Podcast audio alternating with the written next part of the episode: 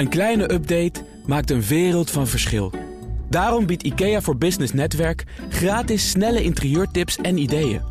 Word gratis lid en laat je werkplek voor je werken. IKEA, een wereld aan ideeën.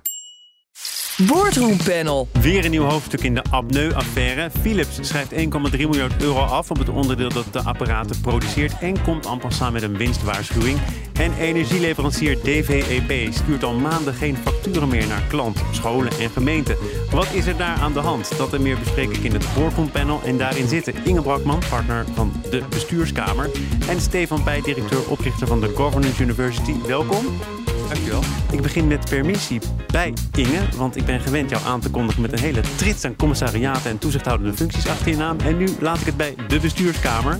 Wat is de bestuurskamer? Ja, dat, dat is. Uh, we zijn met zes mensen die zich bezighouden met alles wat op boardroom issues gebeurt. Het is coaching, maar het is ook governance advies. Het is advies voor zelfevaluaties. Eigenlijk um, alle thema's die in de boardroom langskomen, daar doen we advies en coaching in. En wie, wie komen er dan langs? Zijn dat mensen die tot het inzicht zijn gekomen dat ze dringend advies nodig hebben? Zitten er ja. mensen die in de problemen zitten? Ja, er zijn natuurlijk best veel um, um, bedrijven waarin op het, op het niveau van de executives vragen zijn, dilemma's zijn die ze willen bespreken. Of evaluaties uit te voeren zijn. En ook wel heel veel mensen die coaching willen. Onboarding coaching bijvoorbeeld. Heel belangrijk als je in een nieuwe baan begint. Is coaching wel heel prettig. We gaan naar iemand eh, die aan een nieuwe baan begonnen is. Uh, via Philips namelijk. Philips schrijft uh, 1,3 miljard euro af op het onderdeel dat de slaapapneuapparaten produceert, maakte het techbedrijf gisteren bekend. En daarbij volgde meteen ook de waarschuwing dat de winst in het derde kwartaal gaat tegenvallen. En ook de vooruitzichten voor het kwartaal daarop zijn somber.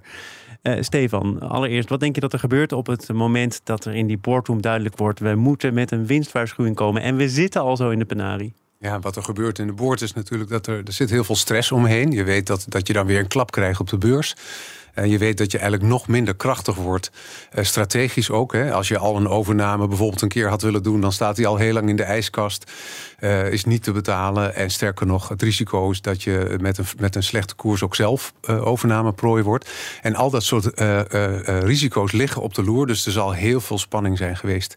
Uh, voordat, en dat zal er nog zijn, maar in ieder geval voor, voor uh, de, het besluit deze winstwaarschuwing uit te laten gaan. En even naar de regels. Moet je met een winstwaarschuwing komen? Of kun je er ook als bedrijf voor kiezen om de aandeelhouders, de buitenwereld, later met die klap te confronteren? Ja, je moet ermee komen. En je hebt gewoon op de, de beurs bepaalde verplichtingen. Als je beursgenoteerd bent, heb je bepaalde verplichtingen. En dat, dit is natuurlijk een heel essentieel punt in het goed informeren van, van je beleggers. Ja, en waar wel eens wat aan uh, geschort heeft de afgelopen jaren. Want de VEB heeft een claim neergelegd en heeft de Philips uh, verantwoordelijk gehouden voor geleden verliezen. Loopt ja tot in de miljarden. Ja. Dus is dit dan ook een teken van verbetering? Nou ja, het is iets wat we nog niet zo heel lang zien. Hè, dat mensen daarvoor, uh, dat twintig uh, jaar geleden gebeurde dat nog niet zomaar. Want je bent belegger en je, bent, je neemt risico's enzovoort. Tegenwoordig is de aansprakelijkheid steeds meer een risico voor bestuurders. En dat ligt hier, ja, het zit, het zit om de hoek. het is nu nog Philips die de klappen krijgt in ieder geval. Ja. Maar en die is Philips, Inge, want dat ja. bedrijf zit in een transitie, in een overgangsfase. Heel letterlijk. Want Frans van Houten houdt er deze week maar op. En dan zaterdag komt Roy Jacobs officieel aan het stuur te staan. Maar dit is wel zijn begin, toch? Deze winstwaarschuwing. Ja. Dat is een lelijk begin. Ja, en dat kun je maar beter nemen voordat je komt. Dat scheelt natuurlijk ook. Dus, dus het, het, ik denk dat de timing dat het um, deze week komt en niet volgende week is misschien ook niet helemaal toevallig. Maar het is een heel lastig begin. Ik denk dat um, soms is een winstwaarschuwing nog niet het meest lastige, maar het meest lastige is dat er onzekerheid is. Dus de onzekerheid van de schadeclaims, de onzekerheid of in Amerika misschien nog gezegd wordt dat ze tegen kostprijs moeten leveren. Dat zou een boete kunnen zijn, een straf van de toezichthouder. Precies. En um, de onzekerheid dat je nog niet weet of het eind in zicht is. En eigenlijk is dat voor beleggers veel moeilijker dan een verlies te nemen. Want je kunt op een gegeven moment een verlies incalculeren. Dus um, het bedrijf is gewoon nog niet uit de onzekerheid. En dat maakt het heel erg kwetsbaar.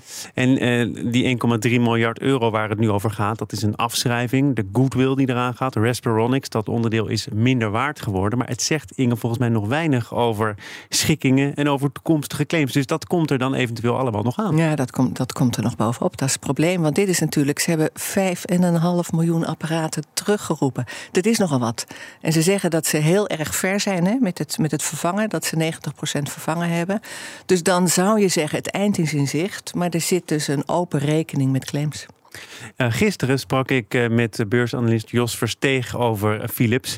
En hij verwijt Philips wel het een en ander. Onder andere dit. Als je binnen die gezondheidszorg kijkt, dan ja, hebben ze nergens echt een hele sterke positie. Als je het allemaal vergelijkt, is het allemaal zwak. Zelfs in de uh, scanners, de MRI-scanners, waar ze heel groot in zijn.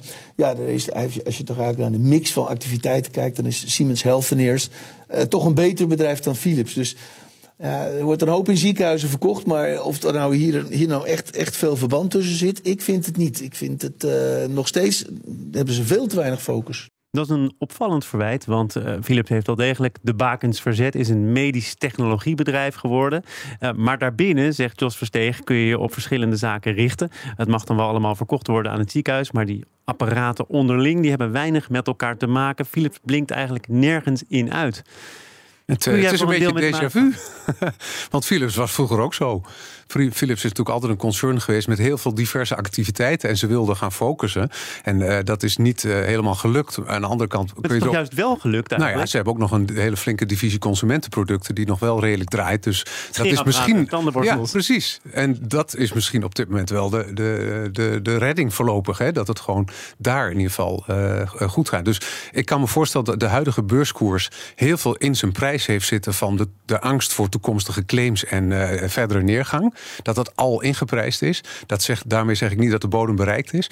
Maar uh, ik denk dat het intrinsiek wel nog iets meer waard is dan de huidige koers. Maar, maar Philips heeft toch ook redelijk recent nog die tak voor de huishoudelijke apparaten, minus uh, scheerapparaten en tandenborstels, ja, ja. verkocht. Juist om ervoor te zorgen dat ja. die focus, die koers nog duidelijker werd. Ja, ze, ze gaan nu onderuit op hun, uh, op hun kernactiviteit. En dat is een hele nare constatering. Is dat dan uiteindelijk, en dat is makkelijk praten wellicht achteraf, maar heel verstandig geweest? Want als je je richt op ziekenhuiszorg, dan weet je ook dat dat risico's met zich meebrengt, Inge. Dat er maar iets hoeft mis te gaan. Nou, en dat is met die slaapapneuapparaten overduidelijk het geval. En je wordt uh, begrijpelijkerwijs keihard afgerekend. Dat is toch wat anders dan een koffiezetapparaat verkopen. Ja, het, het, is, het is linker inderdaad, omdat het gelijk over gezondheid gaat en over leven en dood. Zelfs in dit geval met die apneuapparaten. Aan de andere kant snap ik het wel, want de markt voor um, gezondheid en ondersteuning en juist technologie, ontwikkeling, innovatie is natuurlijk hartstikke groot en wordt alleen maar groter. Dus het is een, een logische groeimarkt en ze hebben de techniek. En wat je dan erbij moet hebben is denk ik, een topkwaliteitsbewaking. Dus het vraagstuk is eigenlijk: kun je, um, naast dat je heel goed bent in techniek en in innovatie op dat gebied, kun je het ook voor elkaar krijgen om alle standaarden die erbij horen voor de gezondheidszorg, om dat in je kwaliteitsborging er echt in te hebben. En ik, ik weet niet of het daarin zit, want daar ken ik dat bedrijf niet goed genoeg voor. Maar dat is natuurlijk wel iets wat je je eigen moet gaan maken. Nou, het wordt de, de toezichthouder uh, verwijt Philips wel dat er al heel veel eerder duidelijk was dat er wat mis was. En dan geldt er ook nog bij, als je het niet wist, had je het moeten weten. Ja. Dus er zit iets niet helemaal goed. Om het nee, en, en ze hebben natuurlijk al jaren klachten gehad. En die klachten die zijn te veel gebagatelliseerd. Dus dat kun je je niet permitteren. Als, als er iets mis is met een auto, ook al ontbreekt er één moertje... dan worden, worden ze ook allemaal teruggeroepen. Ja, het, is, het is een heel moeilijk te beheersen probleem met heel veel emotie. En dat is ook, je begon al met uh, dat uh, de nieuwe CEO Roy Ekink uh, Jacobs. begint... Jacobs Waarom kom ik daarop? Roy Jacobs, die, uh, die komt daar. En voor mij voelt het echt van, die staat met 3-0 achter. Er is nog 10 minuten te spelen. En Roy wordt ingebracht. En, en dan denk ik ook wel eens van, goh, we hebben nog de Raad van Commissarissen. Daar zitten twee Nederlanders in, hè, eh, Fijke Siebesma en uh, Herna Verhagen. Uh, verder allemaal buitenlanders. Kun je die nog vaak bij elkaar? Je hebt het ook wel eens meegemaakt, Inge, in een commissariaat... dat je tientallen keren per jaar daar moest zijn. Dat kan helemaal niet. Dus ik, ik denk er bovenop zitten voor deze raad... en de afstand eigenlijk, uh, fysiek ook, is best wel een ingewikkeld ding. Dus... Denk jij dat ook? Dat het ook met die samenstelling van de Raad van Commissarissen te maken heeft? Um, ja, voor een deel wel. Het, ik denk wel um, dat wij, um, dat, is meer het andere onderwerp van virtueel vergaderen. uh, je bent erbij en je bent er veel vaker bij virtueel, maar virtueel is anders dan live. En je ziet en je voelt en je ruikt niet wat er echt gebeurt. En ik denk wel dat, dat als je ziet dat zo'n bedrijf eigenlijk al anderhalf jaar in een, in, een, in een spurt omlaag is gegaan dan moet je dieper kijken dan het vraagstuk: we gaan de, um, we gaan de apparaten terug, terughalen. Er is dan meer aan de hand en waar. Dus dan moet je er wel bovenop zitten. En je moet weten dat je bestuur er bovenop zit. Maar je redt het toch niet met een raad van commissarissen die alleen maar uit Nederlanders bestaat. op het moment dat je, zoals Philips, wereldwijd ambitie hebt. Dus daar hoort dan toch ook een internationale raad van commissarissen ja, bij. Ja, maar natuurlijk. Maar ergens moet je er wel voor zorgen dat er, denk ik, veel meer um, um, ja, controle bij is. En mankracht zit op de diepte van een bedrijf. Bedrijven die zijn vaak zo groot nou, dat is voor Philips geldt het natuurlijk ook, dat zo'n FVC, de holding FVC, die, die, die, ja, die, gaat er, die, die glijdt er overheen in de blik. En kijkt naar de beurskant en naar, naar, naar de shareholderskant. Maar uh, heeft geen idee hoe de fabrieken eruit zien. Nou, dan hebben we het nog niet eens gehad over uh, inflatie, angsten, problemen bij de ja. toeleveringsketen. En zo blijft het maar even. Ja. Want Philips zal ongetwijfeld de volgende keer nog een keer besproken worden. BNR Nieuwsradio. Zaken doen. Thomas van Zeil. Het boardroompanel is gast. Inge Brakman, Stefan Pij. En we gaan het hebben over scholen en gemeenten die zich zorgen maken... nu ze al maanden geen factuur meer hebben ontvangen van hun energieleverancier. En dat is de Vrije Energiepartij. Gaan ze de winter warm doorkomen? En Stefan, het is op dit moment zo dat ze nog wel energie krijgen, maar er niet voor betalen. En dat heeft allemaal te maken met het eh, moeizame contact dat ze onderhouden met de Vrije Energiepartij. Volgens mij hebben we hier met z'n drieën zitten googelen op dat bedrijf. Zijn we wie zijn dat nou weer? Ja. Nou, wie zijn dat dan ook alweer? Wie zijn dat ook alweer? Kun dat hier toelichten? Nou, het is een van de partijen die uh, in een uh, zeer veranderende markt de afgelopen jaren is opgekomen.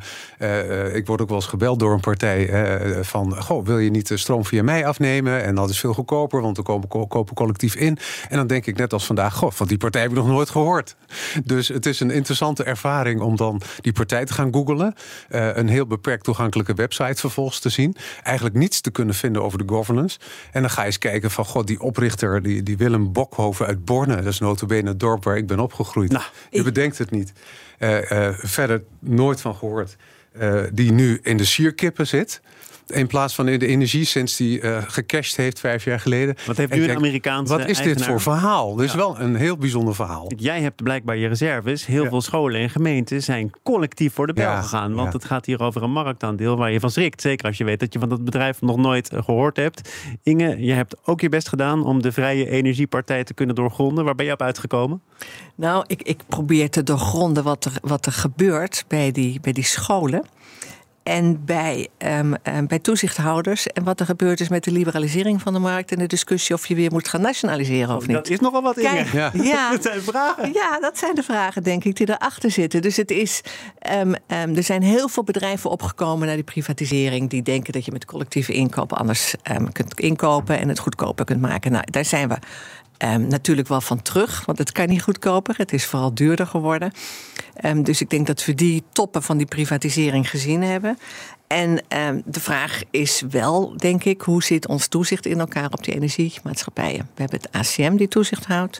En we hebben het ministerie van Economische Zaken die toezicht houdt. En dan mogen ze samen ook nog um, boetes uitdelen.